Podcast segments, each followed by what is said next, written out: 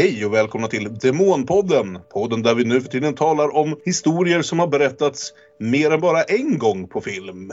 Jag heter Kalle Färm och med mig som alltid har jag Aron Eriksson. Hej! Olof Ekström. Hej! Och Björn Waller. Hej! Vi är här ikväll för att tala om en ganska vanligt förekommande händelse, nämligen att en internationell film, en så kallad icke-engelskspråkig film, blir så populär trots sin icke-engelskspråkighet att jänkarna direkt bestämmer sig för att göra en ny Hollywood-version på den. Den här gången handlar det om Alejandro Amenabars Abre los ojos, eller Öppna dina ögon om man så vill, och Cameron Crowes Vanilla Sky, som ju bara kom fyra år senare och dessutom har en av huvudrollskådespelarna i samma roll i båda varianterna. Så det är två filmer som i alla fall på manusplanet ligger ganska nära varandra. Vad de sen gör rent filmiskt är kanske det som gör hela det här lite intressant. Och utan att säga vad man tycker om eh, just de här filmerna än så är det ju det är en företeelse som man ofta irriterar sig på ganska mycket. Varför, varför inte bara se originalfilmen? Eh, mm. Varför ska man göra en ny version eh, av ingen annan anledning än att det är för jobbigt för att läsa texter för amerikaner? är ju det man ja. alltid tänker. Sen, mm. sen finns det såklart exempel på där nyfilmatiseringen ändå blir bra men det hindrar inte att man kan vara lite irriterad på konceptet. Nej precis, jag håller, håller, håller med. Det är ju liksom sällan som en remake gör något som intressant eller utvecklande eller spännande att att man känner att man hellre går tillbaka till den eh, än liksom det icke-engelskspråkiga originalet. Vem vill ha så... Daniel Craig när man kan få Mikael Nyqvist?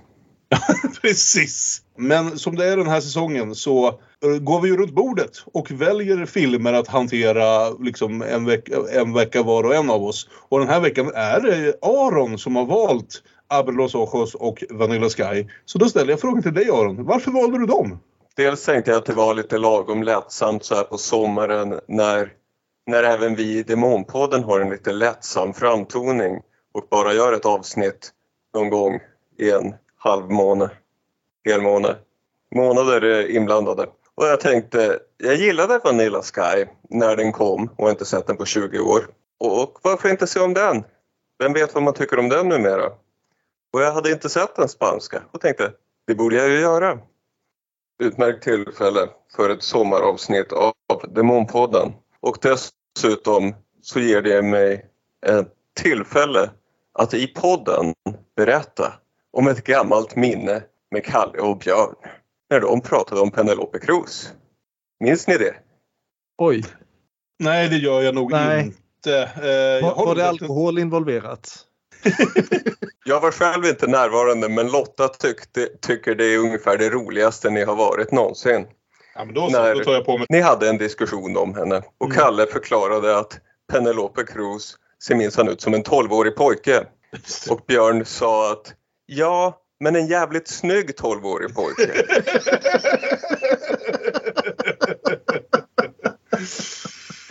Så mycket roligt vi har haft i våra dagar, ja. Du, när du säger det så ringer det någon liten klocka någonstans. Uh... Nu är vi cancellade. Fan. Ja. ja. nu är vi ju 40-åriga gubbar som sitter och pratar om det, men vi var ungefär jämna, lika gamla när vi hade den här diskussionen som Penelope Cruz är i den här filmen. Ska vi säga. Bara 13 på den tiden. Så det ja. ja, så tyckte jag kanske då. Jag tycker nog eh, att hon har blivit en riktigt stilig kvinna med åren. Eh, Olof, Penelope ja. Cruz, snygg eller inte? Eller... Eh, eh, är det där vi börjar diskussionen? Tydligen! Aron tog oss dit direkt. Vadå, hon är ju snygg fast eh, Vanilla Sky har ju Cameron Diaz så att för mig just så... Ja! Jag glömde bort att du är Cameron Diaz-fanet jag känner. Ja, jajamän. Jag, jag var väldigt förtjust i Cameron Diaz i mina unga dagar ska jag säga. Framförallt är Lifeless Ordinary. Ja, det, det här... känns väl, väldigt mycket som en Aron-film.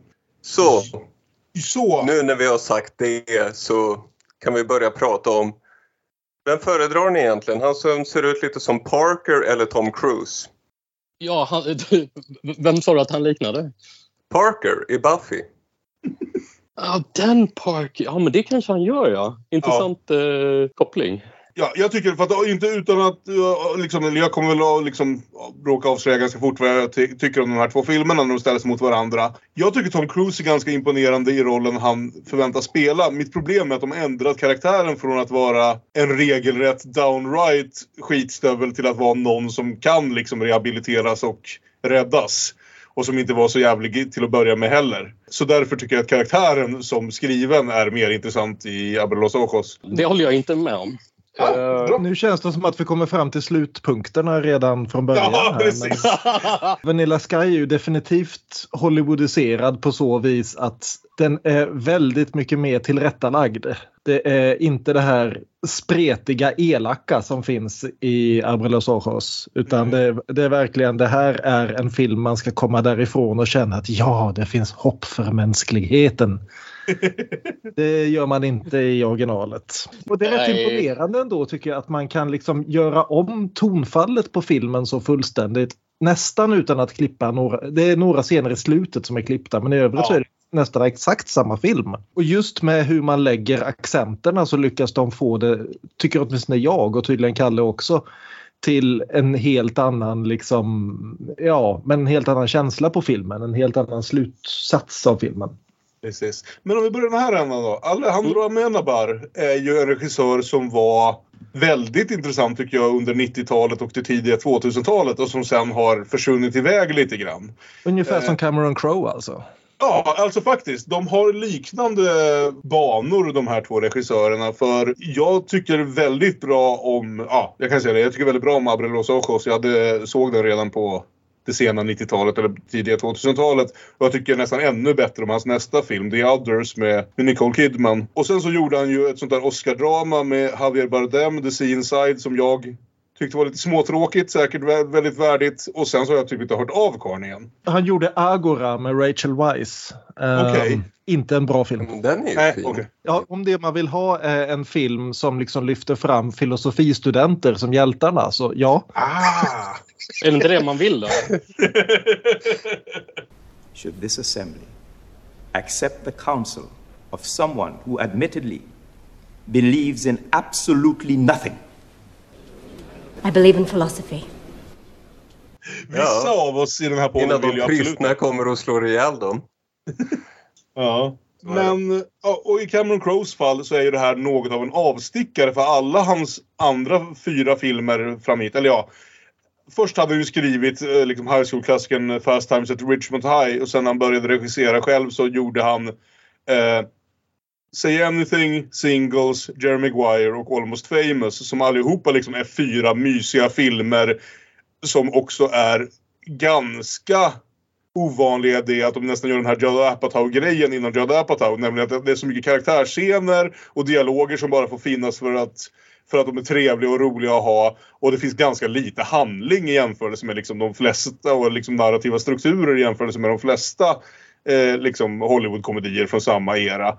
Så det är fyra filmer som jag... Alltså jag älskar Almost famous. Jag är ganska förtjust i de andra tre också. Ja, framförallt tycker jag att han har en sån väldigt liksom bara mysig vibe. Det är liksom ganska avslappnande, trevliga filmer som dessutom får till ganska, ganska intressanta karaktärsrelationer här och där. Så därför är han en jättekonstigt val till att regissera den här filmen. Ja, men samtidigt, jag, jag, tycker ändå det funkar just därför att eh, om vi ska komma in liksom direkt på själva handlingen så är det ju liksom det här att en ospecificerad del av den här filmen är ju som allt som gjordes på slutet av 90-talet en simulation, en virtuell verklighet. Det är i The Matrix och eh, då behöver man kanske, jag satt också och retade mig på det fram till att den liksom börjar smälla av de här Tjechovs pistolerna och det är liksom, ja, nej, men det är ju ändå liksom hela poängen är att vi lever i, att vår huvudperson lever i en verklighet som är hoppusslad av referenser.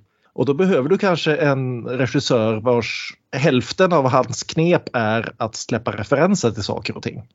Absolut. Eh, Cameron Crowe, alltså förutom de här liksom, vad ska man säga, längre och lite, eh, vilket inte stämmer in på Vanilla Sky just nu.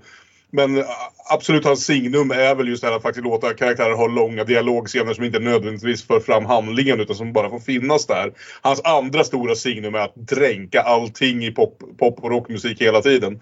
Eh, och ofta har, därför har väldigt bra soundtrack till sina filmer.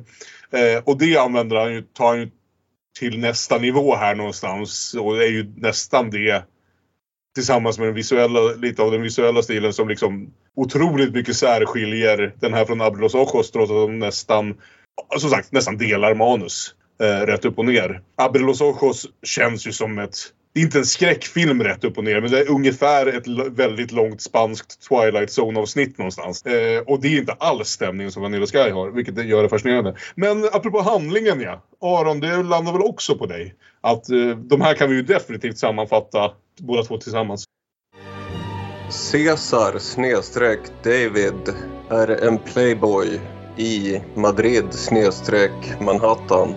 Han har där en tjej som han hänger lite med. Som också tycker mer om honom än vad han kanske tycker om henne. Och så på en fest träffar han en annan tjej och blir så upp över öronen förälskad. Och den andra tjejen är sur kraschar en bil med honom. Och han blir helt ful. Och sen så blir allting bra. Men det visar sig vara en dröm. Slut. Ja. Bra sammanfattat. det visar sig vara en dröm. Det är en ganska bra sammanfattning bara. Och eh, nej, men om, om man eh, börjar då med, med, med kanske det bästa i Vanilla Sky, Cameron Ja. Diaz. Jag trodde du menade att du skulle börja med den här öppningsdrömmen som ändå är det coolaste. För en film som ser ut som att den är en datasimulation på, på slutet. Så tycker, Okej, jag, börja med den då. så tycker jag ändå att det är fortfarande ganska coolt den här först, första scenen. Som är samma scen i båda filmerna men den är betydligt mindre imponerande visuellt i, i den spanska filmen. För i Vanilla Sky är det ju Tom Cruise som kör bil genom Manhattan och långsamt upptäcker att ingen annan människa finns på gatan tills han springer ut på ett fullkomligt tomt Times Square som, Ja, vilket är är, helt sinnes, sinnessjukt Ja. imponerande, är ett helt tomt Times Square. Man bara tänker inspelnings krångligheterna kring det. Kring Fast, det. fast, fast det är ju inte ett fullständigt tomt Times Square utan han är ju omgiven av billboards överallt. Det är ju Precis. rörliga bilder på människor. Det är människor i två dimensioner. Ö, precis överallt. Det finns bara inga riktiga människor. Nej. Och detta är så kallad foreshadowing. Ja. Men det är ganska snyggt. Ja, och jävligt coolt att de kunde göra det på riktigt någonstans. Det är en sån här sak som man vet hade gjorts med liksom Med lite CGI dator- nu, ja. med lite dataeffekter och en grön, grön skärm nu för tiden. Så att, ba- bara att minnas tillbaka till en tid när vi faktiskt tog tiden och pengar att göra sådana här dumma grejer på riktigt är ganska kul. Eh, 28 Days Later gör ju samma sak i London typ året efter men Då spelar de ju faktiskt in den på folktomma gator nästan helt. De lyckades CGI bort några stycken men, men då var de ju också tvungna att vara ute på midsommar klockan fyra på morgonen. Ja, 28 dagar senare. Ja. Ja, precis. Det är lite svårt Ja, att göra i New York. Det finns inga liksom, dagsljus när det inte är människor där. Man märker ju att en film har lite mer pengar när den har Tom Cruise. Så det, det är en ganska bra scen även i Abre los ojos men, men uppgraderingen är ju faster, harder, scooter. Apropå uppgradering så ser vi ju ett symptom på vad skillnaden mellan filmerna kommer att vara också om vi får min lilla signatur här som vi inte använt så mycket på ofta. Björn Borg vilar. Det är ju att Cesar kör ju en gammal folka och hans kompisar driver till, honom, till och med med honom för det. Liksom att haha du jättemycket pengar och du kör, kör omkring i den här gamla skrothögen. Inget sånt anspråkslöst för Tom Cruise. Han kör en Ferrari. Här ska vi inte snacka om liksom någon karaktär med både mörka och ljusa sidor utan han är i grund och botten en schysst typ. Lite blind bara. Fast jag ty tycker inte det att, att Tom Cruise framställs som någon så här jätteschysst typ. Jag tycker att han är... Vad är det som är så himla schysst med honom? Nej, nej men det, han är inte aktivt oschysst. Det är det som är grejen. Det som vi följer här liksom i första akten det är att Cesar är ett jävla kräk. Och han kommer undan med det för att han är rik men han kommer bara nätt och jämnt undan med det därför att han har egentligen bara en kompis. På jobbet så är folk tvungna att stå ut med honom. Även när han liksom springer ihop med Sofia, Penelope Cruz karaktär. Vi ska säga Penel- Penelope Cruz spelar exakt samma karaktär i bägge filmerna och gör det ändå på två helt olika sätt. Men fram till det så är han, liksom även när han springer ihop med henne så beter han sig ju som, det är liksom det här är sånt som skulle få folk som läser The Game religiöst att liksom men herregud, här, men kvinnor är också människor, prata med henne istället. Det, Ja, men då, då, är alltså, för Tom Cruise spelar kanske rollen lite mer med någon slags valpaktig charm sådär ibland. Ja. Att, att, att det är det som är... Jag känner att det kanske en, inte är en så himla ljus skärm. Jag tänkte nog på det som något ändå ganska cyniskt. Men eh, ja. Det är cyniskt men det framställs inte för åskådarna på samma sätt tycker jag. I Abre los ojos, och det, jag säger inte att det är, jag är inte helt säker på vilken av filmerna som är bättre faktiskt. För jag tycker inte någon av dem är en riktig fullpoängare. Men jag tycker det är intressant att i första filmen så har vi liksom både Cesar och eh, Noria heter hon väl, den här tjejen som han inte vill vara ihop med Nej, eh, är egentligen ganska otäcka människor. De beter sig, åtminstone i första akten, som rejäla liksom, människor man inte skulle vilja ha runt omkring sig. Medan däremot i Vanilla Sky så har du dels tack vare att Cameron Diaz faktiskt gör en jävligt bra insats i den här filmen. Mm. Och dels därför att Tom Cruise vill inte framställas han har väl inskrivet i sitt kontrakt att han är inte skurken. Det blir en annan ark i det. Jag säger inte att det blir en bättre eller en sämre ark men det är en annan. Det är två helt olika arkar. Från liksom skitstöveln som får tillbaka det han förtjänar och måste acceptera att världen inte rör sig runt honom. Till den här människan som bara är mest aningslös om sin plats i världen. Jag tycker i alla fall att det känns som två helt olika saker och inte minst därför att det, det har du liksom i ena filmen så är den andra kvinnan en ganska galen stalker, i den andra så är hon förtvivlad. Mm. Okej, men så, i- med den förklaringen så kan jag köpa att eh, Tom Cruise-karaktären är han är också ett rövhål tycker jag, men han är kanske lite mer... Han kanske inte riktigt har insett det på samma sätt Nej, som, nej, eh, som precis.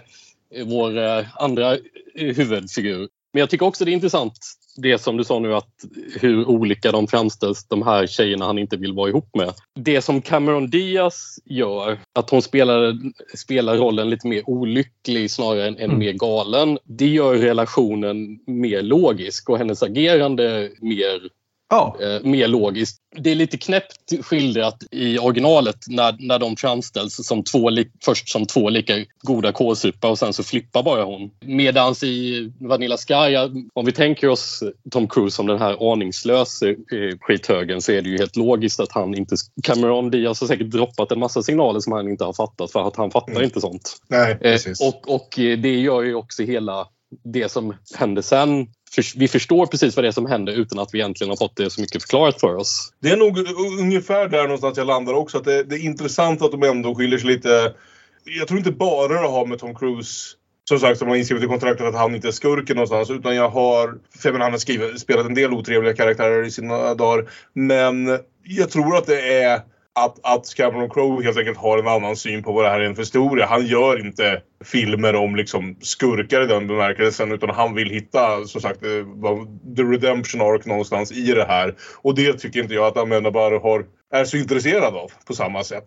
Utan det, det blir ju en mer klassisk liksom, antihjältesaga av Abre los ojos. För mig vet jag att jag föredrar Abre los ojos bara för att jag är så svag för den här typen av Twilight Zoniga liksom mysterier någonstans. Jag tycker dessutom att den håller sin ton så konsistent på ett sätt att, att jag blir jag, Det finns gånger jag blir liksom lätt förvirrad av Vanilla Sky och liksom just vilken typ av film den vill vara egentligen eftersom det känns som en film. Det, ja, det, känns, det känns lite som liksom en, en, en skräcktonad thriller-manus som har filmats med liksom de soligaste färgerna och de gladaste poplåtarna. Och det, Ja. liksom, det är så Ja, det- som där någonstans förvirrar mig. Allt som Kalle sa, fast det är bra.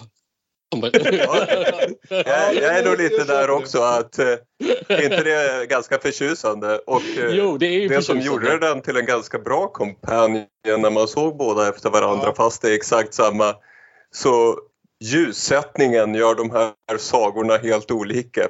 För det är ju lite sagostuket stora eh, gester och då, då gör ju ljussättningen hela skillnaden. Och, och jag tänkte också på det så här att eh, jag tror, det känns som att Cameron Crowe har sett då det spanska originalet och tänkt är inte det här en ganska ytlig fånig historia istället? E- Egentligen. Jag tror att jag tar och blåser upp det och gör det lite, gör det lite snyggt och ljust och lite coola poplåtar. Kan inte det vara en bra idé?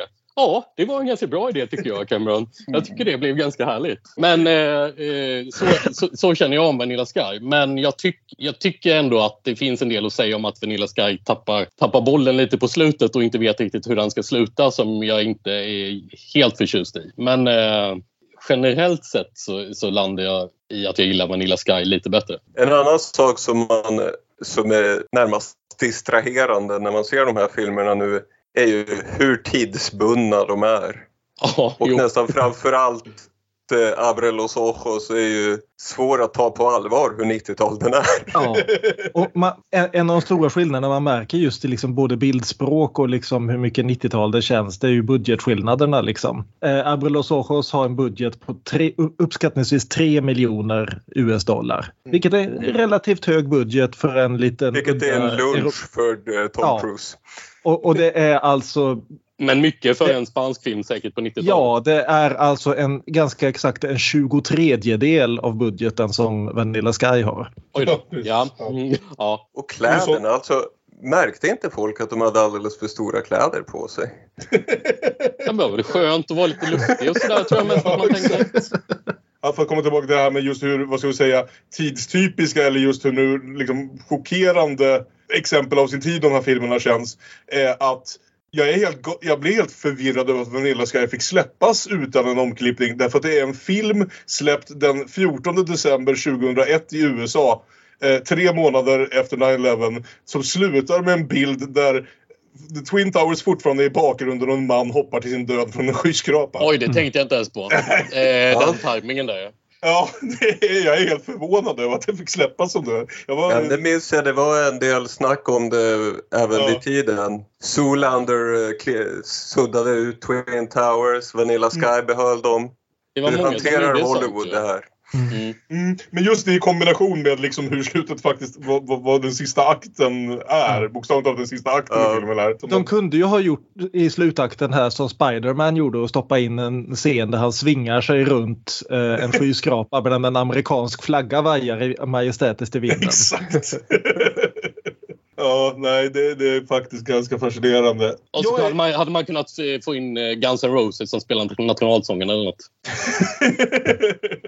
Taget. Nej, men jag förstår att väldigt mycket av det här kommer ner till att jag är så förtjust i den här typen av liksom, Twilight Zoniga historier. Särskilt också just att jag ofta har, tror jag, pratat om det här att den spansktaliga om man så vill. Det är inte, Abelos Ojos är inte på något sätt en rak skräckfilm men den doppar ju sina tår i, i liksom den Mm. dammen här och där. Ja. Eh, och den Och spansktaliga... den skräck- älskar sina bu-effekter. Ja. var, det, och det är också en del av den härliga lågbudget kör bara kör.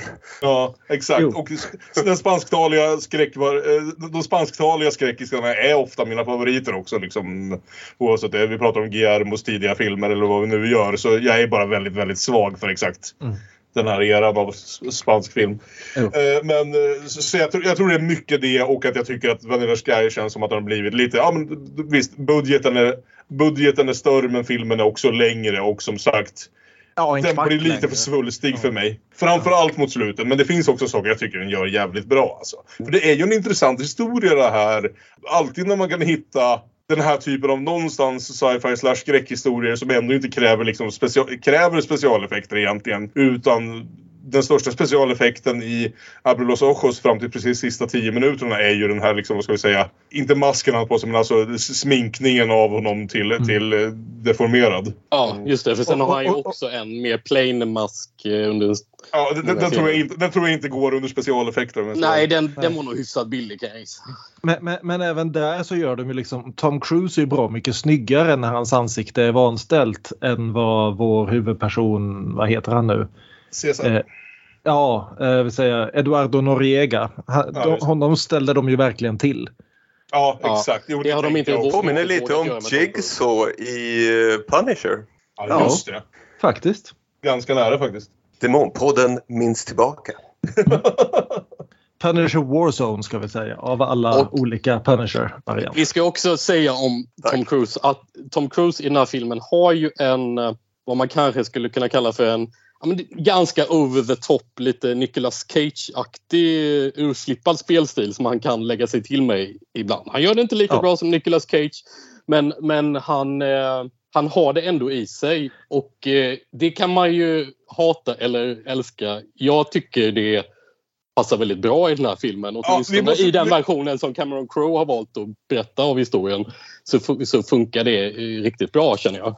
Ja, vi måste kanske komma fram till Tom Cruise of it all. För det finns ju få människor som är så jävla polariserande på skådespelarscenen. Jag för min del fann honom alltid lätt ointressant under 80-talet. Men jag tror det är Jerry Maguire som är vändningen för mig. Att efter det tyckte jag ändå att han... Eh, sa- samtidigt som han blev riktigt, riktigt jävla käppknäpp i verkligheten med andra ord. Så eh, Jo. är ungefär när han också blir en intressant skådespelare som faktiskt gör en del intressanta filmer och konstiga sådana här val. För visst att, den, att Vanilla Sky är en snällare film mot sin huvudkaraktär än vad Abre Los Ojos är. Men det är ju ändå inte en helt rätt upp och ner liksom vanlig roll för en Hollywood-kändis att ta på det sättet. Nej, nej, det är ju, det är nej. Det är ingen film man vinner Oscar för och det är ingen, Nej. inte en självklar liksom, bra PR-grej heller. Och, Och det är dessutom Ja, en film som, alltså Eduardo Noriega kan hända att han är välkänd i Spanien. Det har jag inte någon större koll på. Men det är ju väldigt mycket en film som spelar med vem vi vet att Tom Cruise är i verkligheten och vilken liksom sant. bild han har lämnat ut till, till allmänheten av sig själv. Och Mm. ja, vilket ofta jag tycker är när han är som Ja. bäst. När han liksom spelar den mörka sidan av den vi tror Tom Cruise egentligen är någonstans. Eller än mörkare, antar jag. Ska vi gå igenom lite grann vad som händer i första akten av filmen, filmerna? Vi kom ju fram till bilolyckan i alla fall eh, eh, för en Ja. stund sedan. väl. Precis. Ja. Han, har, han har dumpat eh, tjej nummer ett och haft en väldigt liksom filmisk, li, inte så lite liksom, uh, vad va, va heter det? Eh, Meet cute. Ja, just det. Det, det Med- med- glömde vi säga. med, Efter, efter, festen där han har träffat Pen- Penelope Cruz så följer han henne hem. ja. Och har, och har Trots att hon kom dit med hans bästa vän. Eh, Just det. I den spanska Eh. versionen har de dejtat ett tag. I den amerikanska sprang de precis på varandra på biblioteket samma dag. Antagligen framför filosofihyllan. Det sägs inte uttryckligen men det kan man ju det kan man, det, det kan man anta. Att det var framför Schopenhauer där eller något. Ortega i Gasset. Ja. Nej, och, och, och de, de har ju en väldigt... Eh, de har en kväll tillsammans där de eh, inte ligger med varandra men blir ganska... En ganska het kväll ändå. Trots Ja. Mm. att de behåller alla kläderna på. Men de gör såna gulliga saker ihop. eh, Målar av varandra och, och eh, berättar om sina barndomar och vad det är. Mm. En liksom skillnad de gör här på Penelope Cruz karaktär i de två filmerna som också känns lite grann det här att den amerikanska är alla är lite framgångsrikare, lite snyggare, lite, lite tjockare. Vad ska jag säga? De är inte tjockare menar jag inte, men de har lite tjockare rustning på sig. Ja. De, de är lite mer skyddade från världen. Så att i den spanska versionen så är hon en skådespelerska som för, under tiden medan hon väntar på det stora genombrottet försörjer sig som mimartist i parkerna. I den amerikanska versionen så är hon inte skådespelerska så vår huvudperson får inte en chans att negga henne med vad han tycker om skådespelerskor utan istället så är hon en ganska framgångsrik dansös istället. Och det, och Men som liksom, måste jobba extra som tandhygienist va? Nej, det var ju den spanska också kanske. ja, Ja, så Ja, var det det. kanske, det kanske är det här det filmen kommer fram eh, ner till. Om man tycker att det är en bättre film med eller utan en scen med mimartister. Mm. Liksom, ja, ja, alltså det är ju en scen som eh, passar in lite märkligt i filmen men den är ju... Den har ju någonting. Ja, för, för det, det känns som att det finns en liten tendens om man ska anknyta till centraltemat liksom att i den spanska filmen så jagar folk fortfarande sina drömmar. I den amerikanska filmen är drömmarna redan uppfyllda. mm. Ja, fast, det, är mad, fast det är mardrömmar bitvis. Ja, Åtminstone för Tom Cruise så är, är, är alltså hans liv är ju... Alltså även innan han hamnar i en riktig mardröm så Mm. Typ alla hatar honom och vill att han ska dö.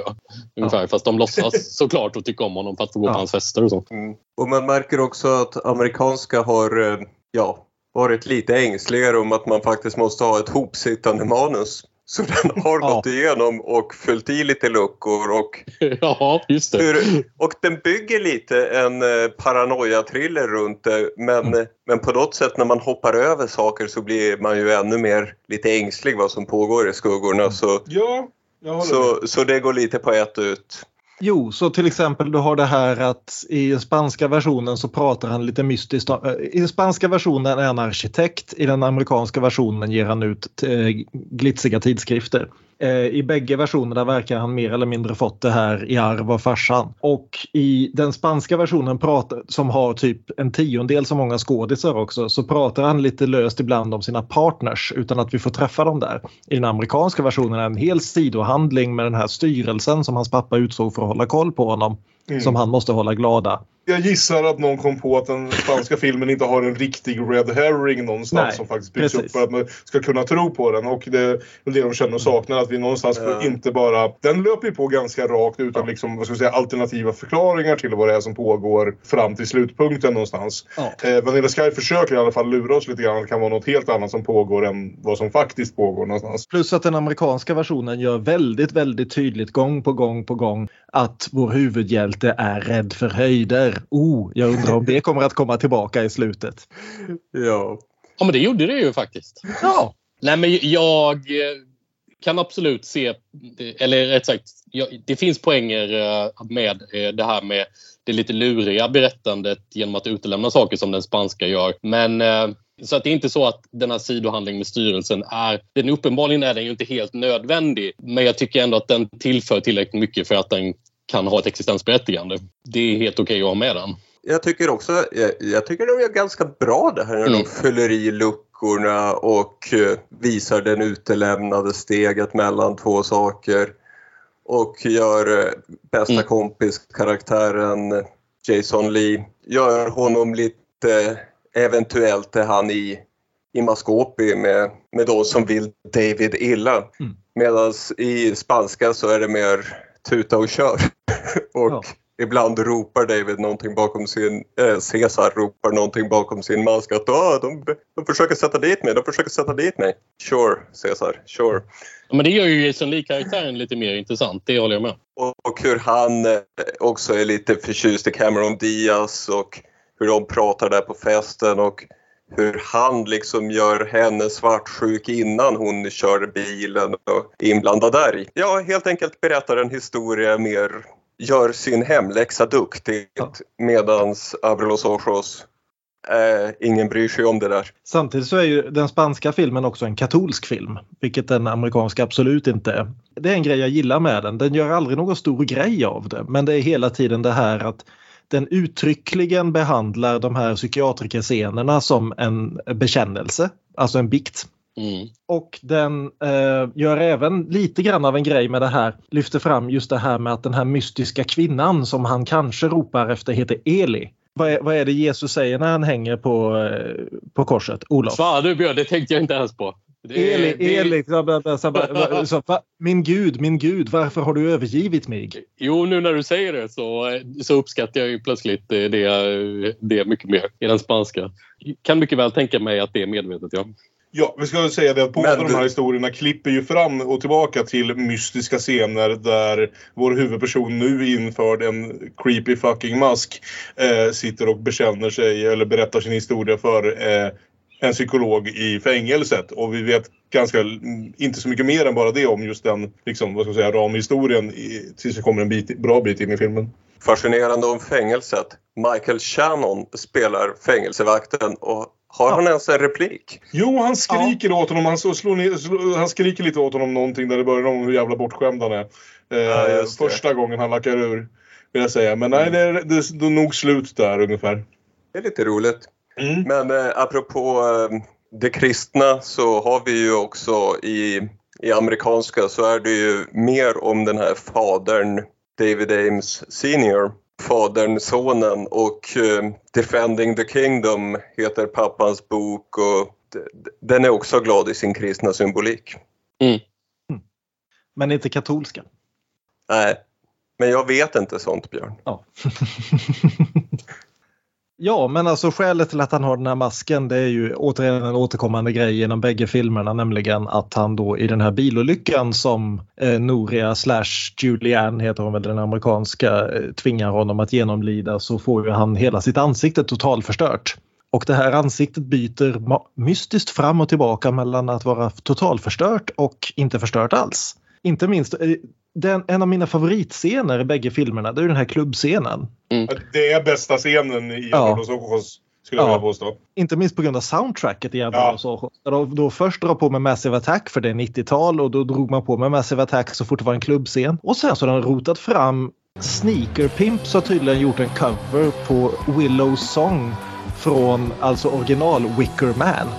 Vilket är så jävla perfekt låtval där. Både för hur den funkar liksom i originalfilmen men också hur den liksom dras fram. Det, det är ingen stor detalj och har man inte sett Wickerman så kanske man inte bryr sig alls. Men jag blev jätteglad när jag såg det. Och det ja.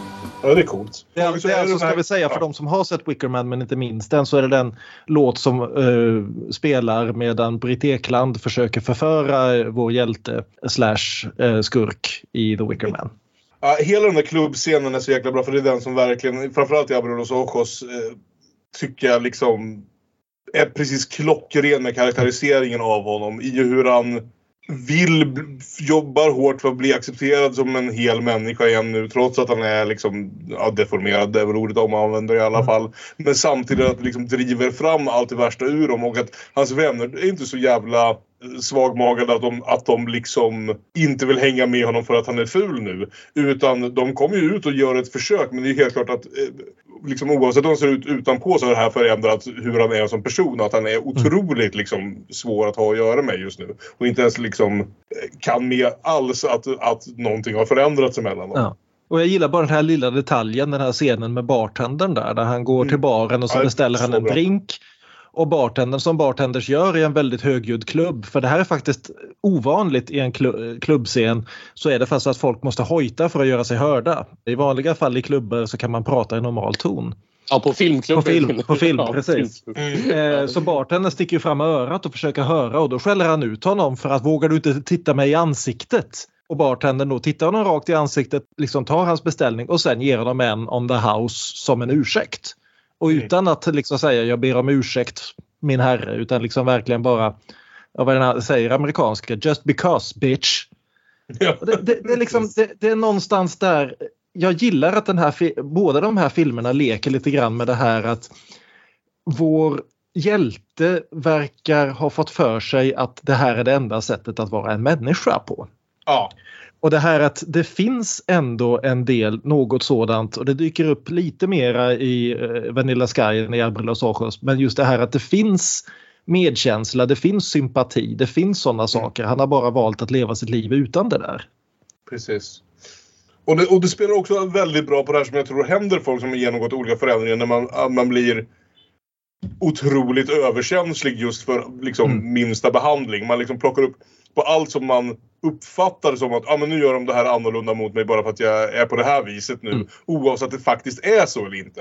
Det hade ju varit väldigt lätt att göra till något där liksom varenda människa liksom går och ryggar ifrån dem tydligt, liksom ofrånkomligt. Men det är inte riktigt det de gör utan det är ju som scenen med den här bartendern där det är betydligt smidigare gjort. Att vi inte är säkra på om bartendern låter bli att titta på honom för, på grund av hur han ser ut eller om det bara är så han såklart uppfattar det just nu för att han är i extremt känsligt läge och liksom traumatiserad av det här. Ja, jag gillar verkligen, ja, men sagt, klubbscenen i Abralos Ojos skulle jag säga är bästa scenen i någon av de här filmerna. Jag tycker den så perfekt nailar vad det är den här filmen vill åt någonstans. Och jag gillar som sagt att det, det är ändå en ganska komplicerad karaktär som först för mig blir väldigt klargjord just där. Nej, Efter klubbscenen så kommer en splice. Ej att förväxla med den kanadensiska thrillern Splice. Hur gärna vi än pratar kanadensiska thrillers i Demonpodden.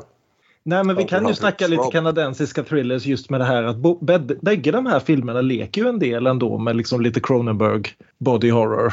Inte så att den Absolut. går in i det fullständigt men just det här vanställda ansiktet och vad det gör med en rent psykologiskt. Att inte längre Mm. ha den kropp man är van med. Mm. Jag, jag, jag tycker Vanilla Sky fumlar lite grann där att han passar ju på ändå, liksom Cameron Crowe, att göra det här till en mer realistisk skada. Inte så att liksom, Tom Cruise ser fortfarande ut som Tom Cruise med lite ärr i ansiktet. Han, vi är många som inte ser så där bra ut utan en bilolycka. Jag tänkte säga det. Antingen, men- men, när, Tom Cruise, när, när Tom Cruise ska vara deformerad i den här filmen ser han ut ungefär som sin lite fulare kusin William Mapother som brukar spela på Lost.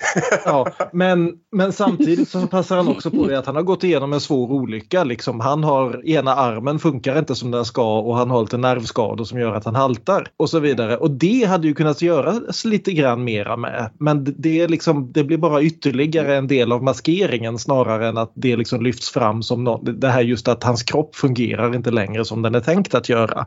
Mm. Detta för en människa som liksom presenteras med att han är väldigt bra på två saker, sex och tennis. Liksom att hela den här grejen att nej men, din kropp fungerar inte längre, din kropp har svikit dig. Mm. Hans allra första scen, han tittar sig i spegeln, upptäcker någonting förfärligt, mm. rycker genast bort det enda gråa håret. Mm. Så ja, nu kan jag gå vidare med dagen. Ja, är, och eh, voiceovern säger det här, eh, vad är egentligen ungdom? Och det är inte vad är ungdomscitatet från Kierkegaard som börjar druck. Ett annat vad är ungdomscitat. On most days I actually fooled myself into believing it would last forever. Isn't that what being young is about? Believing secretly that you would be the one person in the history of man who would live forever. Och hela det är ju vad som sätter upp hans karaktär och sen när kroppen då blir kaputt så ja, den spelar aldrig riktigt på alla strängarna där men, men det finns ju definitivt som ett spännande melodi som går genom filmen. Mm. Kanske är det så att det är hans, eh, den här skitstövens verkliga ansikte som kommer fram. Han vill desperat inte att någon ska se detta deformerade ansikte. Mm. Som... Eh... Där folk tar av masker och det var någonting annat under. Någon tog av ansiktet och så var det en mask under. Så var det. Ja, och under... var bra. Ja. Vilken jävla rulle. Mm. ja, gå tillbaka och lyssna på säsong ett. Ja, och efter den här klubbscenen så är båda hans kompisar jävligt trötta på honom hur han beter sig nu för tiden. Han har blivit asfull så han däckar på gatan. Och här tar ju filmen en mer eller mindre tydlig skiftning. Kanske så pass tydlig att det är där vi tar lite kisspaus.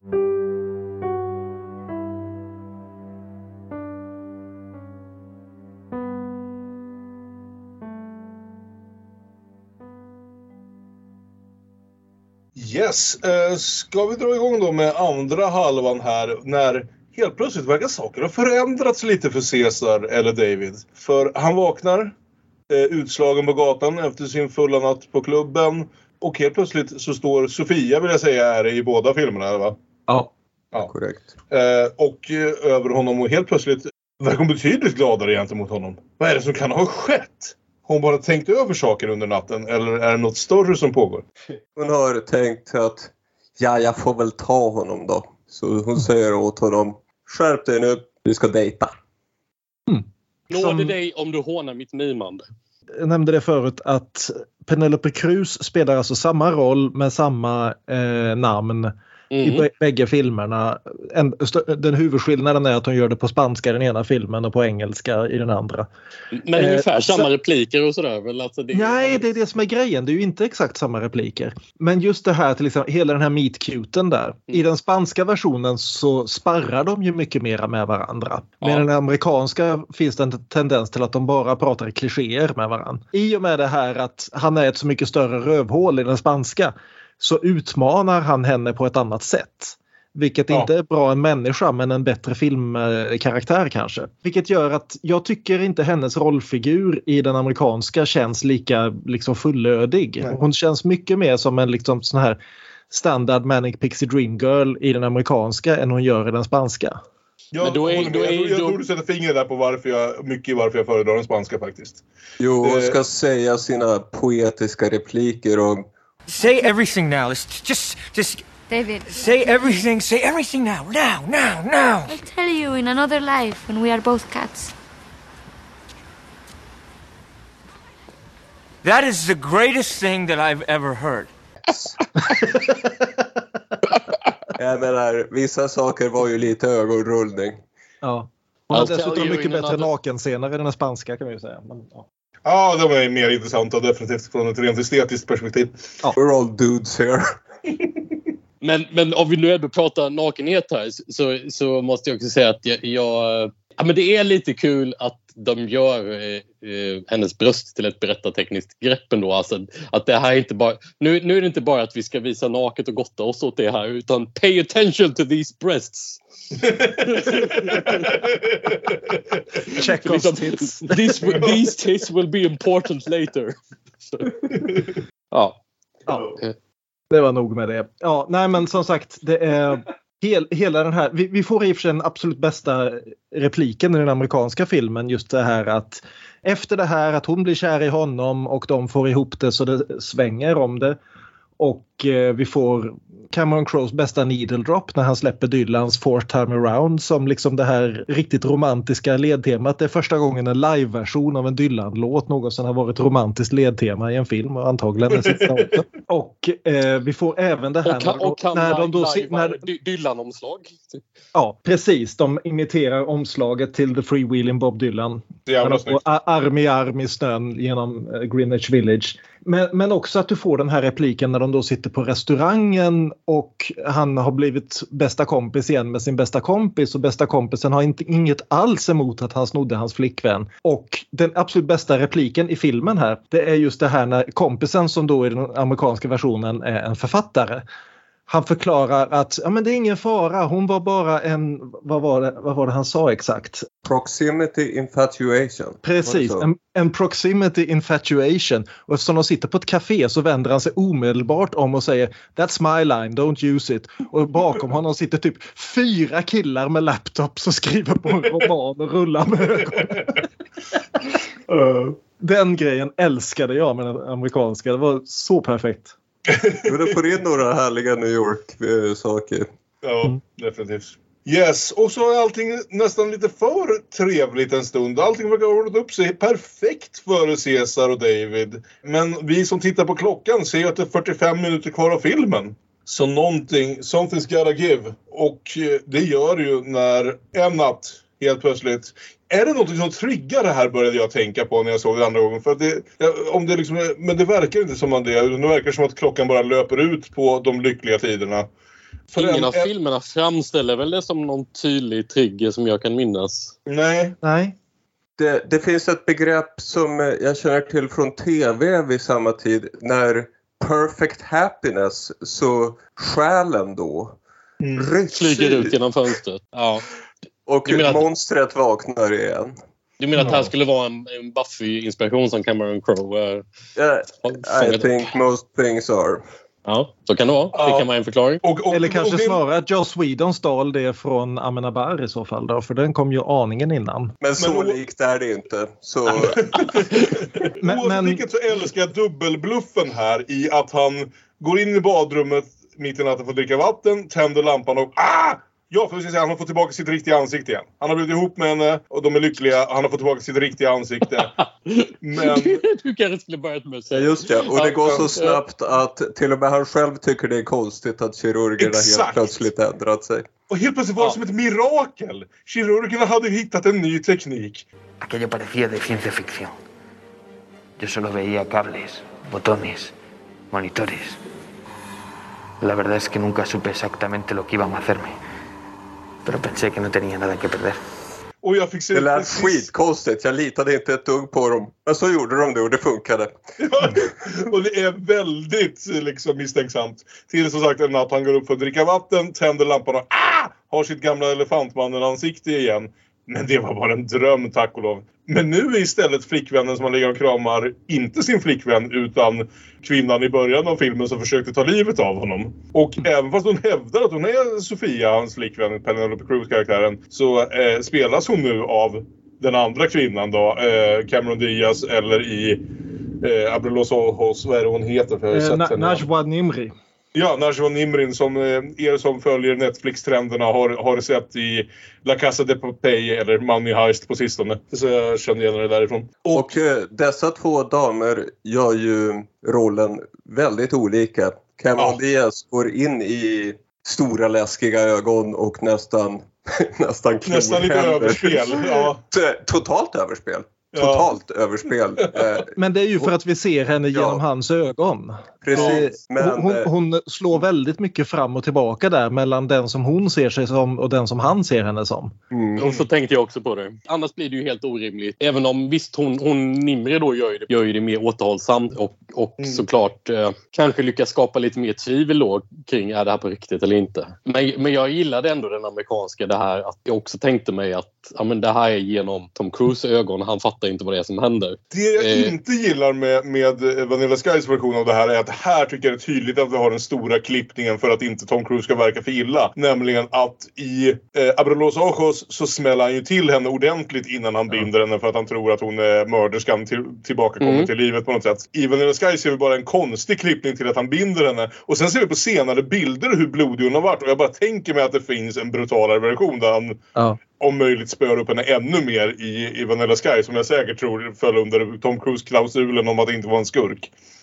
Men Ja. också, det är ju David som berättar filmen från Ja. början. Det här är han som berättar för sin För psykolog. Mm. Som är Kurt. Russell! Vi har inte, vi har Ja. inte sagt Kurt Russell än i den här Mm. diskussionen insåg Ja, jag. det är sant. Vi passade på att nämna Shannon men inte Russell. Russell? Kurt Russell är i Hej, den här Russell. filmen. Kurt, Kurt Russell är en av de bättre skådespelarna i den här filmen skulle jag säga. Jag tycker han är väldigt bra på den här faderliga, alltså nästan överdrivet eh, liksom omtänksamma faderliga gestalten som är precis vad han ska vara. Jag är väldigt Gregory. Peck insvept i bomull. Ja, exakt! Det Ja. är inte samma faderliga roll som han spelar i eh, Guardians of the Galaxy 2. Nej, Nej. precis. Och inte samma faderliga roll som Gregory Peck spelar i Omen. Yes. Och, och jag tycker, här får vi också en nyckelscen i bägge filmerna som är det här just när han går ut på krogen och blir tilltalad av en mystisk människa som vi i den spanska filmen känner igen från tidigare för det har ju återkommit lite grann i bakgrunden det här ett tv-inslag om en kille som har startat en sån här klinik för att frysa ner folk så att man sen kan återuppliva dem när man har hittat en, eh, en bot, ett botemedel på vad det nu är de håller på att dö av. Vad heter det? Kryoteknik tror jag man säger på svenska. Och det är märkligt nog något som Cameron Crowe sjabblar bort lite, lite grann. Den, den Ja. foreshadowingen som den, som den spanska filmen gör med att det här är något som går lite på loop i, i hans huvudpersonens hjärna utan att han vet riktigt varför. Ja. Och det Och är den- konstigt att Vanilla Sky inte använder det till lika bra. Och i den amerikanska versionen så passar de också på att eh, för att liksom berätta det här så uppfinner de en hund som inte fanns med i den spanska. Därför att om det finns något sätt att få fram en poäng som ser liksom eh, trevlig ut så är det ju att använda en hund. Liksom save the Den, dog. den spanska versionen säger varje gång, du vet, kryoteknik. Som Walt Disney. Ja, precis. Amerikanska. Som Mm. och Walt Disney, det var jag tvungen att kolla upp bara för det, men han kremerades verkar det som. Så att, Jo men alla Ja, men det vet att han i själva verket det där. frystes ner. aha, är det en känd konspirationsteori som man ska känna till? Ja, alltså? precis. Absolut. Ja. Jaha, okej. Den var stor kring millennieskiftet. Ja, Kring har jag helt 97 glömt. uppenbarligen. Ja. Och jag vill bara lyfta fram här att i den amerikanska versionen så spelas ju den här representanten för det här företaget som då sitter i, på kaféet med honom och mer eller mindre talar om för honom att du är i en dröm. Alla människor här runt omkring finns bara där för att du vill att de ska finnas där. Du är universums centrum. Det finns inget annat utom dig. Vilket sägs mycket tydligare i den spanska versionen än i den amerikanska. För i den amerikanska spelas han av Tom Cruise. Det är självklart att han är universums centrum. Exakt. Eh, Men i den amerikanska så spelas han ju då av ytterligare en gammal favoritskådis, nämligen Noah Taylor. Ja, jag älskar Noah Taylor. Ja, Och, och, och överhuvudtaget alltså liksom skådespelare både den amerikanska har ju löjlig. Vi har också Timothy Spall som den här eh, advokaten som inte alls är med i den spanska som gör en fantastisk insats tycker jag. Och, och Spåls är väl han som annars är känd som råttan i Harry Potter Universe. det är klart att det är det du går till. Ja. Ja, och Tilda Swinton är, är ju kanske en lite bortslarvad karaktär, men det är ändå kul att se henne. Det här är ju innan Tilda Swinton har blivit eh, liksom slagit igenom som en stjärna i sin egen rätt någonstans. Hon har en två, tre år kvar dit. Hon är inte, hon är inte, Hon dålig, hon är inte dålig på något sätt, men det är bara ja, Tilda Swinton och så förväntar jag mig kanske någonting mer. Men, men eh, hon, hon, eh, det är väl också att de inte gör lika mycket med den karaktären i, Nej. i och för sig. Eh, Ja. rent manusmässigt. Eh, Men eh, vi... Vad de gör manusmässigt är att de delar upp företaget. Företaget har nu mer än en anställd. Ja. Ja, jo, det, det är det också. Vilket också gör foreshadowingen lite mindre tydlig. Att helt plötsligt är denna företaget inte bara en person utan fyra Ja. personer. Precis. Men eh, som sagt, Alicia Witt också, apropå favoritskådisar i småroller. Mm.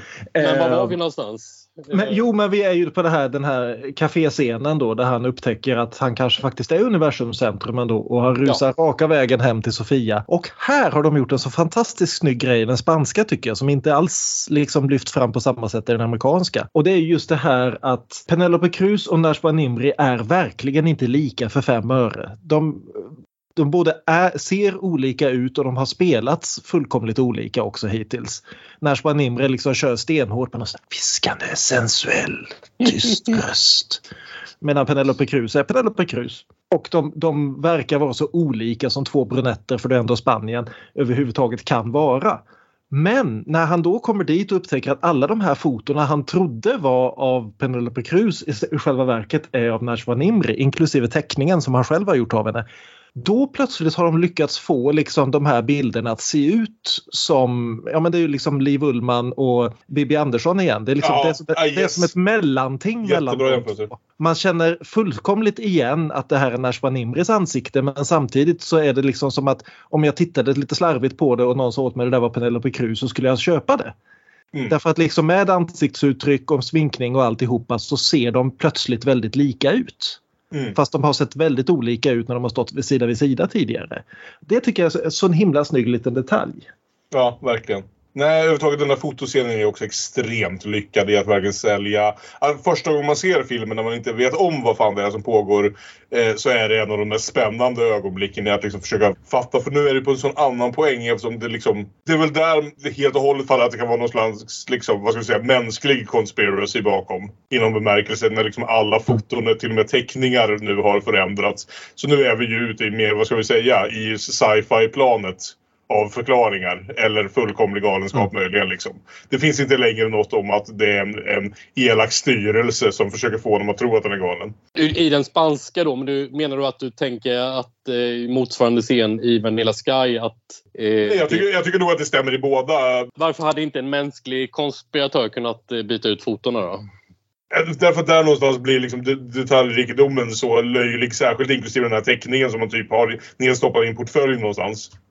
Det blir ju liksom till, till, till det absurdas gräns kände jag i jämförelse med vad man... Eh, Ja, fram till den här punkten hade jag kunnat sätta en rimlig förklaring någonstans eh, och liksom inom filmvärlden för Ja.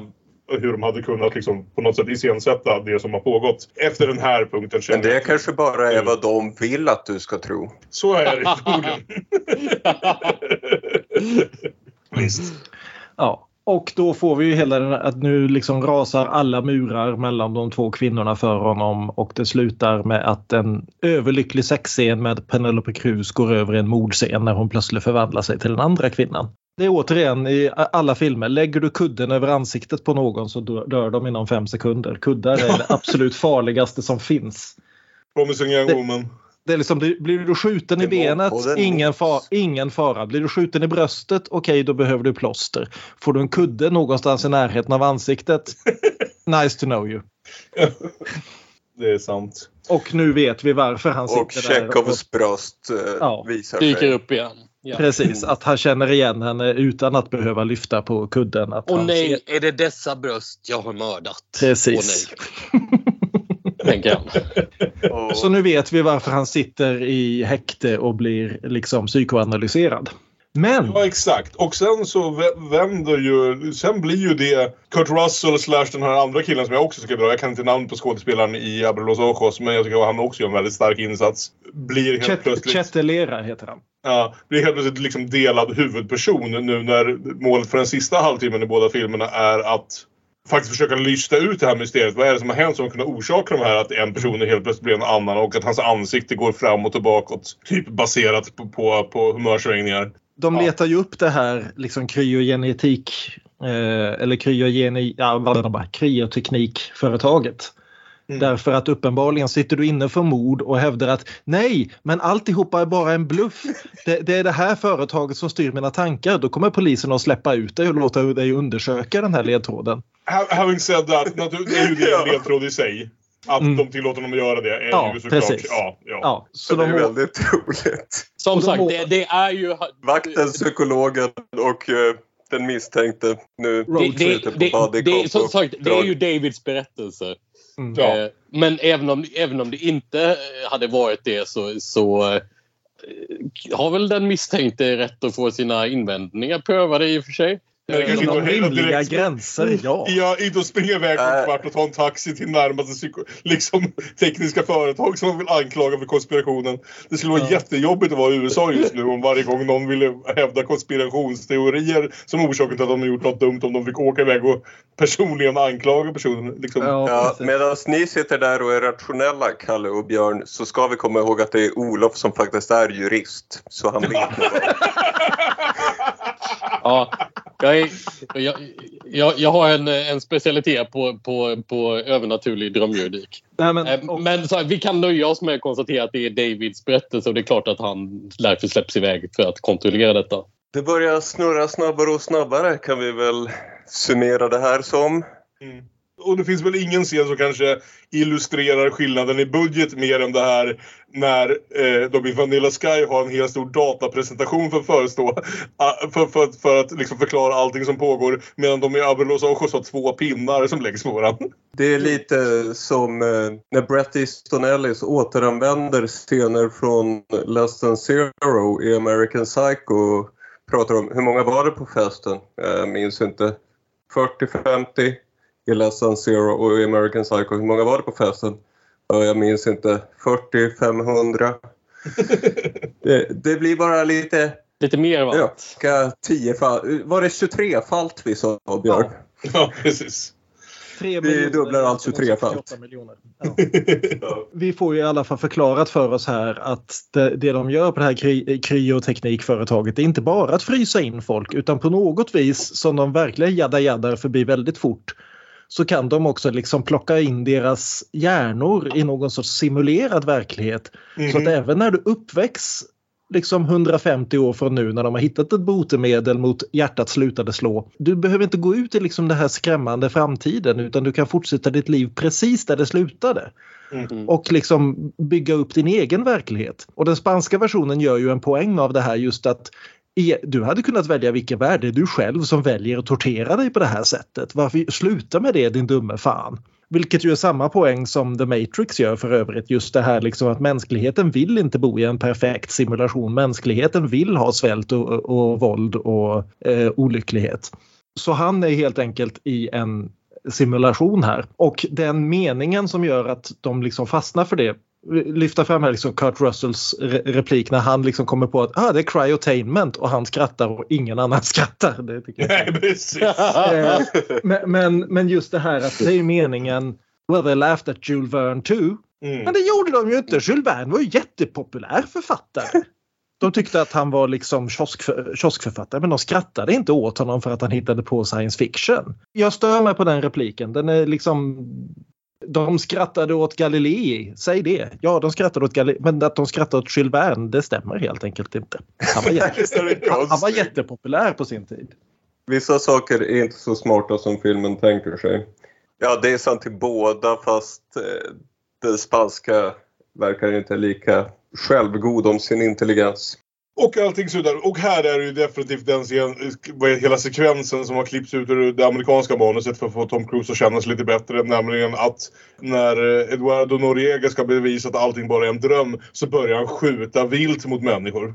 Mm. Det, det Jag så hoppar Tom Cruise över. Ja, jag såg att det, det finns bilder när eh, de verkar spela in den här scenen med Ja, Tom det Cruise som skjuter säkerhetsvakter. Mm. Eh, men, eh, men den tog de visst bort. Vad konstigt hur det blev på det viset. Men eh, ett tillägg i amerikanska som, som är väldigt citatvänligt är ju att han inte bara ropar Jag vill vakna, jag vill vakna. Han ropar också Tech support!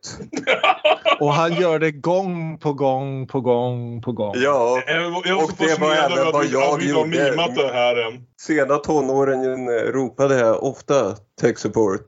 Det var nästan lika ofta som jag citerade American Psycho citerade jag tech support. Eller Existence is past. Bra saker att ropa när man är mitt i en kris. ja, att vara ung. Ja. Men, Ja, men det, det är väl något med slutet här i, i Vanilla Sky eh, som eh, jag gillar ju, som vi redan har pratat om, så gillar jag ju Vanilla Sky hur den är lite ljusare, lite glättigare på något sätt. Det är brist på bättre ord, lite charmigt men i slutet så funkar den, för jag vill ändå erkänna att den vinkeln på historien inte funkar riktigt lika bra som det gör i den spanska. Det blir ett konstigt sätt att avsluta på. Eh, De borde... Det är lite mer ons i den eh, spanska slutet.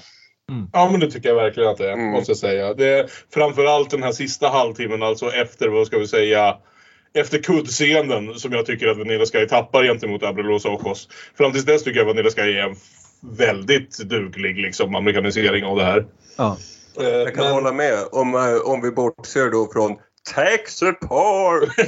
Ja, ja, jo, men det finns roliga saker i, i Vanilla Sky i slutet. Framförallt så är väl Vanilla Sky lite roligare. Ja. Eh, Så är det. Eh, Men eh, alla de scenerna egentligen på företaget på slutet och ännu mer uppe på taket. Där, där tappar Vanilla Sky Ja. lite grann. Där, Mm. Därför jag, jag älskar just de här slutscenerna i Abrilos Ojos när liksom tech support-killen står och talar om för honom medan psykiatrikern förtvivlat försöker nå igenom till honom därför att han har precis fått reda att han finns inte i verkligheten.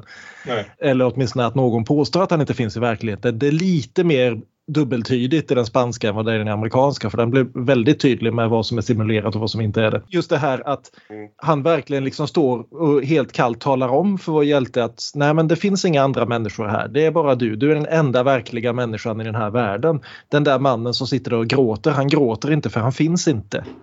Knockdown-argumentet mot Kurt Russell vara "Åh, jag har två döttrar, det vet du. Okej, vad heter de? Mm. Som Ja, att det det, är lite- skulle vara den omöjliga saken att hitta på Mm. för Ja. algoritmen. Att ge döttrarna ett namn.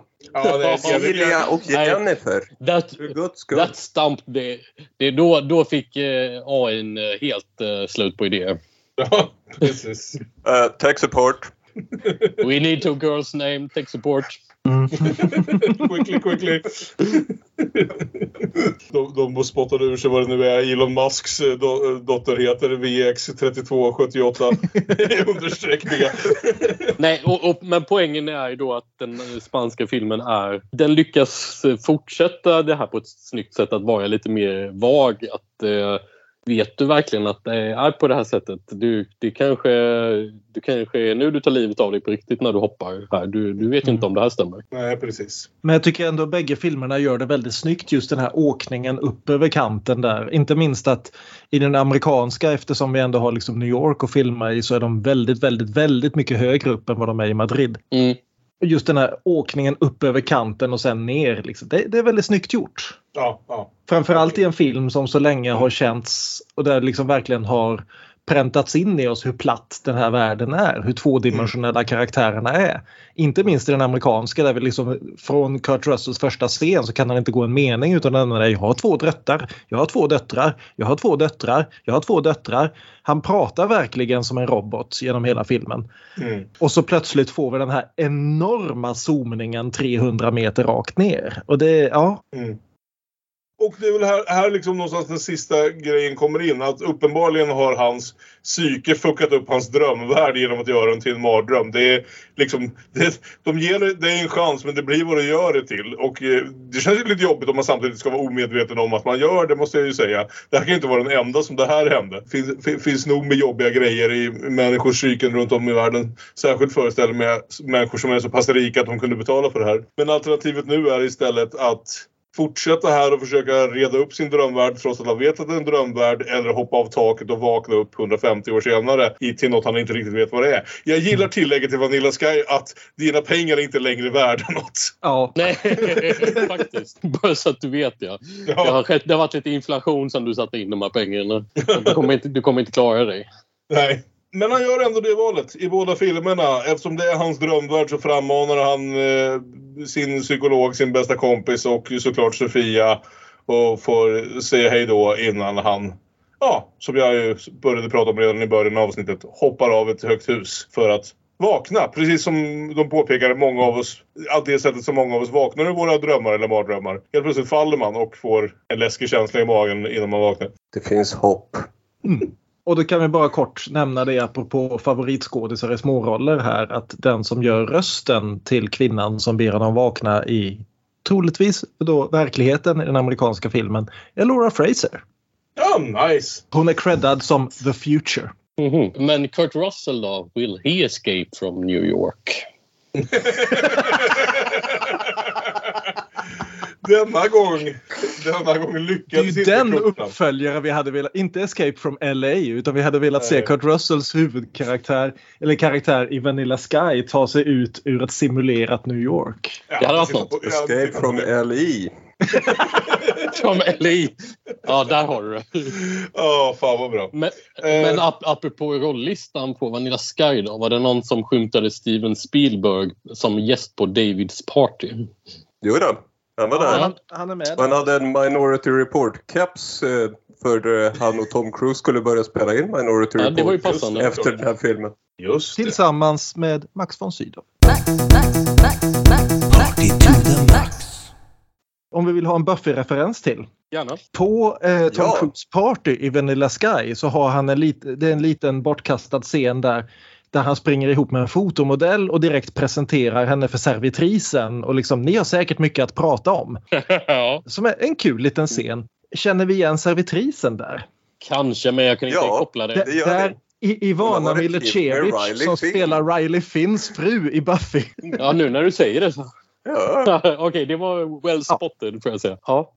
Ja, hörni. Var, vart, en, slutar, det känns som att jag kanske är ensam i rummet om att föredra Abrilos Ojos ändå hyfsat. Jag ska säga ändå ett, ett eh, betygssteg. Jag skulle ge Vanilla Sky en trea och Abrilos Ojos en fyra liksom. Är väl vart jag Jag, jag, jag håller inte de här Ehm. filmerna jättelångt ifrån varandra heller. Men eh, det, det är vissa grejer med Vanilla Sky som eh, gör att jag ändå väljer den skulle jag säga. Även om jag tycker att Vanilla, de sjabblar bort det lite i slutet. Jag gillar slutet bättre i den spanska. Men det är flera av rollinsatserna som jag ändå gillar i Vanilla Sky och jag tycker om mestadels den här ljusare tonen. Jag tycker att det blir en konstigare berättelse på sätt och vis men, men jag gillar det. Mm. Jag, jag tycker båda är... ehm, Jag gillar båda. Och, och båda går in på betyget 3 av 5 möjliga. Ja, Mm.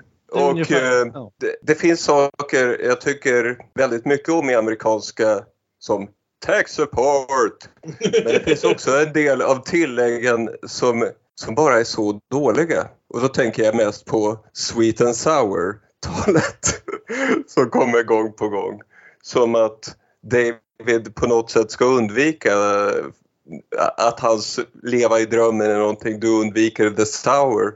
Men då ställer man motfrågan varför lägger David splicen inte innan han går in i bilen med Julie? Så han är ju uppenbarligen redo att ha med the sour även om han är fullt medveten om att det var det ögonblicket som damned him. Så jag förstår aldrig vad de menar med det där sweet and sour pratet. Hur det ska stämma in på hans person. Det, det känns som lite grann av en, ja det är en sån här grej som man skulle kunna tänka sig hitta på ett eh, kort som du säljer i liksom presentshoppen på ett sjukhus ungefär. Mm. Ja, varför Eh. ska vi upprepa det 19 gånger? Min åsikt om filmerna då, så är det, ja, nej men jag håller med liksom att jag, jag, tycker in, jag tycker bägge filmerna handlar på en ganska solid trea. Båda har liksom saker som de gör bättre än den andra filmen.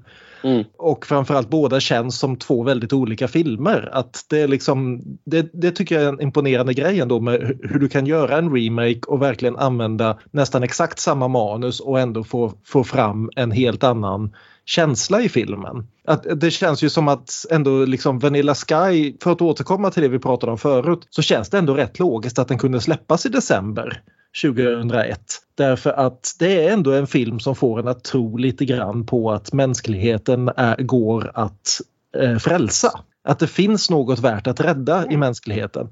Medan jag tycker att även om Abrelos Ojos gör hela twisten bättre så slutar den också i att bli så nattsvart så att det blir liksom, ja men vad var poängen med de här två timmarna? Hemska människor hittar på hemska påhittade verkligheter åt sig. Jaha, Mm. och? Va, va, varför var jag tvungen att sitta med i det här i två timmar? Kunde jag inte bara liksom... Det visste jag väl redan. Ja, det, det är liksom just i och med att bägge filmerna har så väldigt mycket liksom att det här är en dröm in i en dröm in i en dröm in i en dröm. Så blir det att, jaha, vad spelar det något av det för roll då?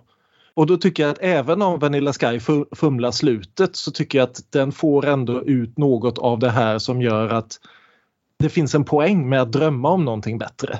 Vilket jag tycker Abrilos Ojos fumlar lite grann också. Så att, ja. Ja, jo. Rent dramatiskt eh, så är Abrilos Ojos bättre i slutet men de får, in, de får inte med den vinkeln som du säger. Ja. ja. Ska vi leka leken? Ja. Gissa den tredje. Vi kör leken. Ja, som gissar den tredje så har jag suttit och tänkt lite på Spellbound från 1945 av Alfred Hitchcock. Eh, som är en film till ganska stor del centrerad kring drömmar måste man ändå säga. Förträngda minnen, ett sökande efter vad som är verkligt, vem som egentligen är vem. Och eh, handlingen i väldigt kort är ungefär att en ny eh, chefsläkare, eh, klinikchef, kommer till ett mentalsjukhus av något slag tror jag. Eh, misstänks för att vara en impostor, vad det nu heter på svenska bedragare kanske. Ja. Efter, ja, eftersom han är ju lite för ung för att vara klinikchef och han har en slarvig namnteckning, ungefär bevisen tror jag. Och därför måste han analysera sina drömmar tillsammans med den snygga psykiatern Ingrid Bergman som han förstås blir kär i. Eh, för att ta reda på om han verkligen är den han tror att han är och om inte vad han i så fall har gjort med den man vars identitet han påstår sig ha. Det är en väldigt sevärd film, inte minst för, för eh, drömsekvenserna som man gärna hade velat se mer om, som är designade av Salvador Dalí. Det är väldigt mycket ögon. Ja, ja. Abre los ojos. Abre los ojos, precis. Det är väldigt mycket Abre los ojos. Jag tror det sägs att Hitchcock och Dali hade kokat ihop någon 20 minuters drömsekvens som producenten slaktade ner till typ två minuter. Vilket, eh, vilket jag på sätt och vis kan förstå, men det är ändå lite tråkigt. För de, de är rätt fascinerande, de här drömscenerna. Och eh, på sätt och vis så vet vi nog hela tiden att de här drömmarna är en dröm och de är ju väldigt överdrivna. Men eh, det är fortfarande oklart vad verkligheten egentligen består av och vi måste använda drömmarna för att eh, tolka och ta reda på det. Vi vet inte ens vilka vi är, ta mig fan. Utan, och kan vi knäcka koden till vem vi verkligen är så kanske vi kan få Ingrid Bergman. Så. jo, men det är ett bra val. Mm. Jag ska ta något lite nyare. 1946. Ja. Nämligen. uh, The Chase. Svensk titel är antingen Flykten till Havanna eller Flykten från Havanna. Och båda är lite med i filmen. För när de väl har flytt till Havanna så visar det sig att mördarna är där och de måste fly från Havanna också. Men vad roligt av den, den, så, den såg jag ganska nyss. Det är ju en eh, fullt ös medvetslös rulle där eh, ingen hade riktigt koll på vad manuset var verkar det som.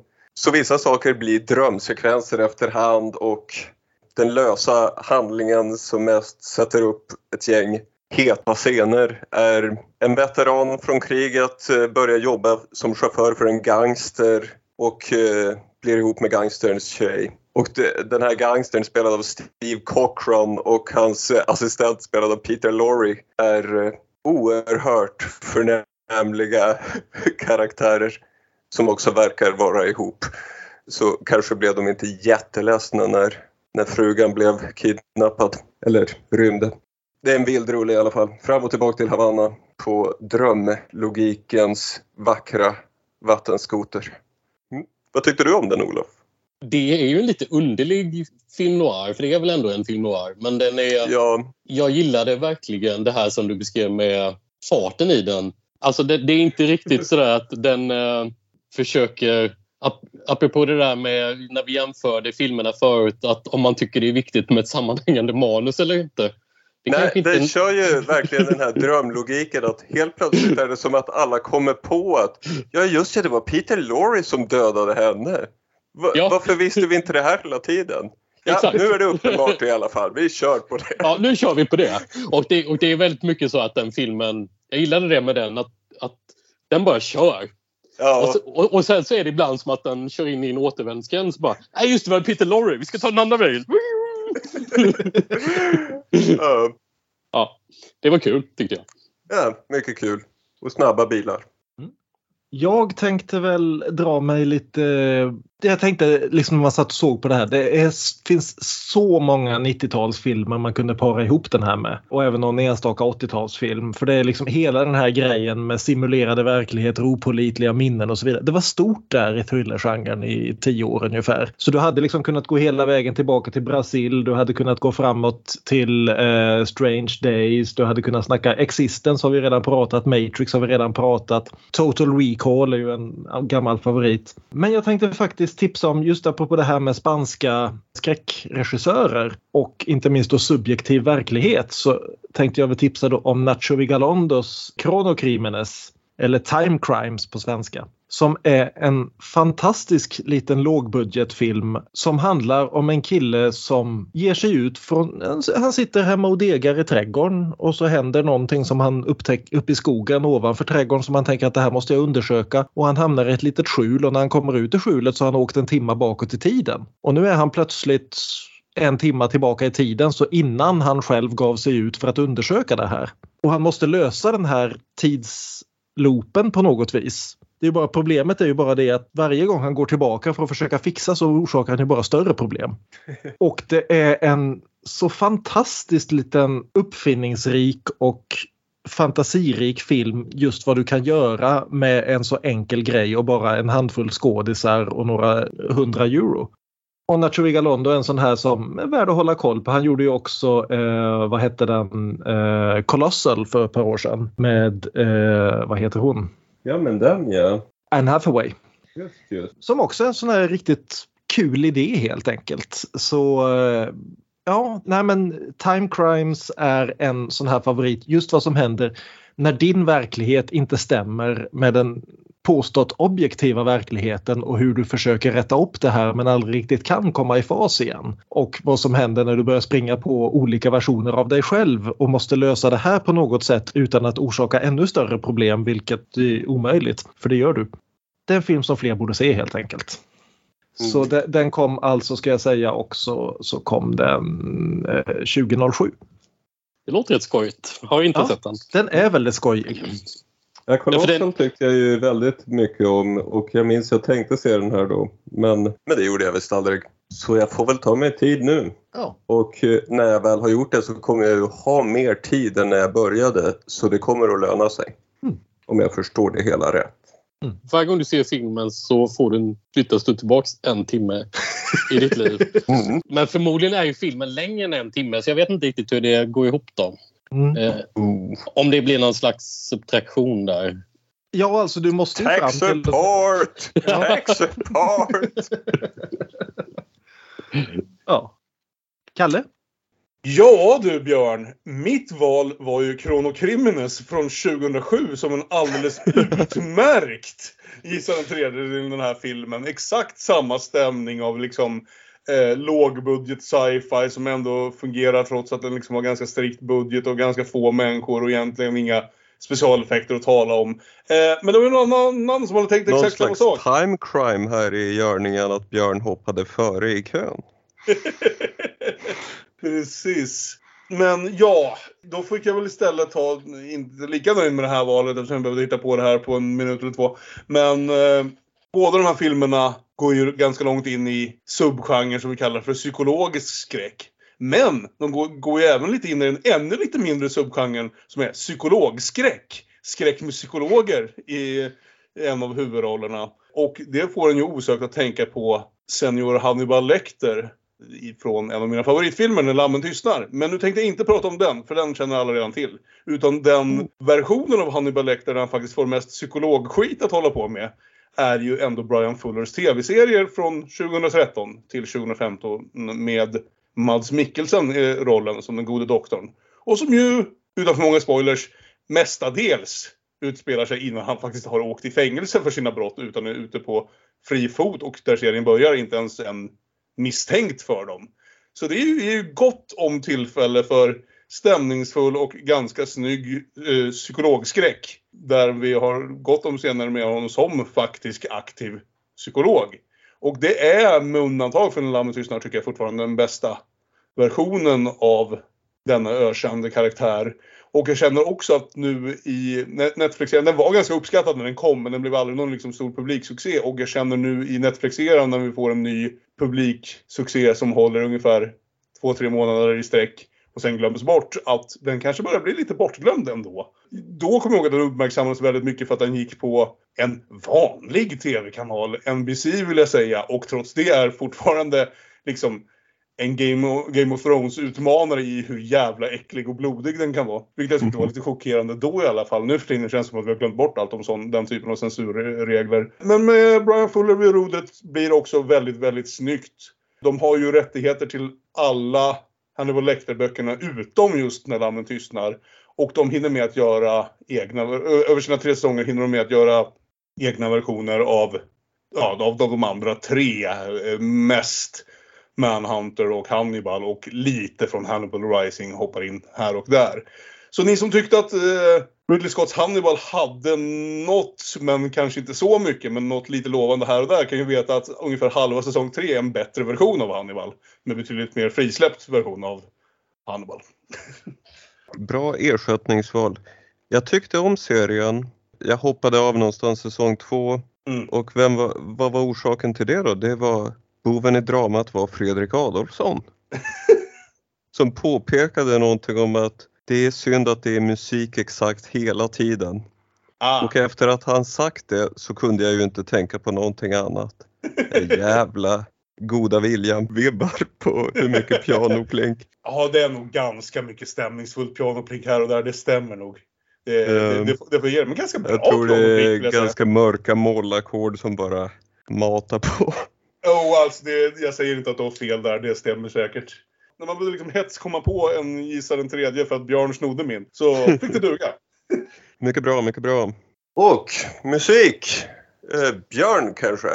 Ja, nej men vi har ju lyckats ta oss nästan 100 avsnitt utan att göra Dylan. Så när det nu faktiskt är en film som har en Dylan-låt på soundtracket och dessutom en Dylan-låt där texten i princip ja, om inte beskriver handlingen rakt av så i alla fall lirar väldigt bra med handlingen om en man och en kvinna som inte lever i samma verklighet och försöker förstå varandra och bara gör det värre för varandra. Så ja, så vi kör väl helt enkelt Fourth time around som ju faktiskt är en remake den också eftersom Dylan spelade in, det, han bör, den började som en eh, satir på Norwegian Wood.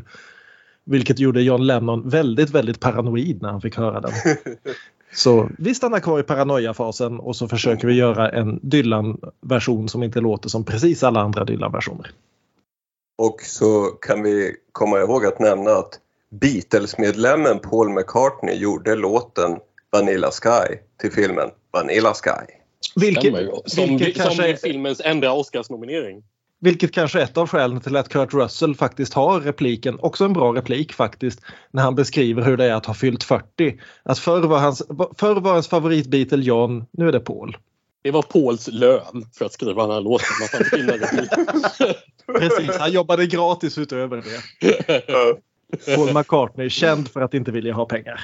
Och i nästa avsnitt så är vi tillbaka med ett nytt spännande upplägg där vi ska jämföra vilka två filmer då, Björn? Ja, jag kommer ihåg, vi snackade en massa i början av den här säsongen när vi snackade remakes att nästan alla remakes är på skräckfilmer. Nu har vi knappt gjort några skräckfilms-remakes alls. Så det tänker jag, det måste vi fan göra någonting åt. Så vi ska ta och kolla på en av mina absoluta favoritfilmer någonsin och en remake som jag inte har sett på säkert 30 år och som jag inte vet hur väl den kommer att hålla. Men det finns i alla fall en uppenbar låt att köra på den. Så vi ska kolla på Cat People från 1942 och Cat People från 1982. Spännande!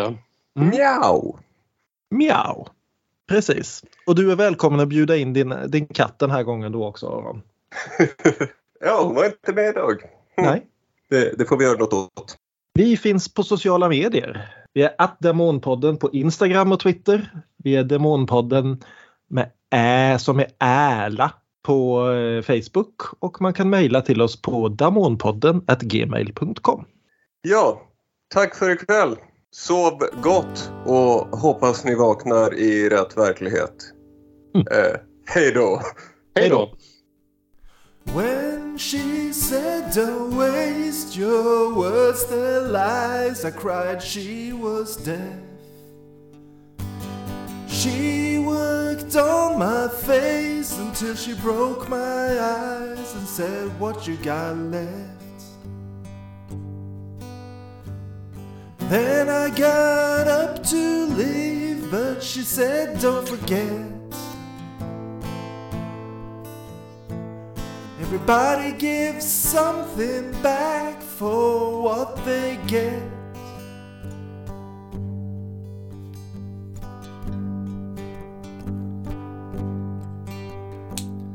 I stood there and hummed, tapped on a drum asked how come. She buttoned her boots, straightened her suit, and said, Don't get cute. I forced my hands in my pockets, felt with my thumbs. Gallantly handed her my last piece of gum.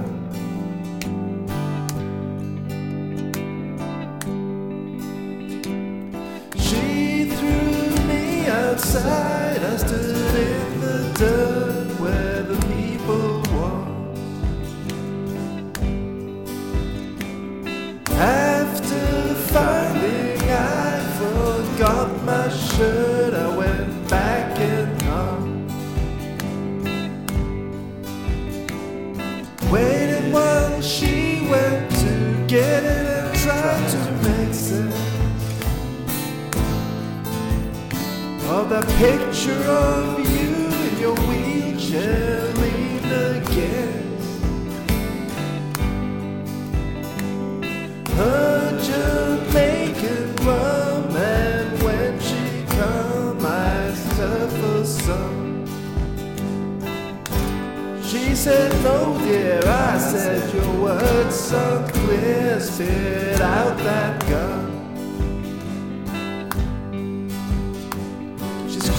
Till her face got red, and then she fell to the floor. I covered her up and then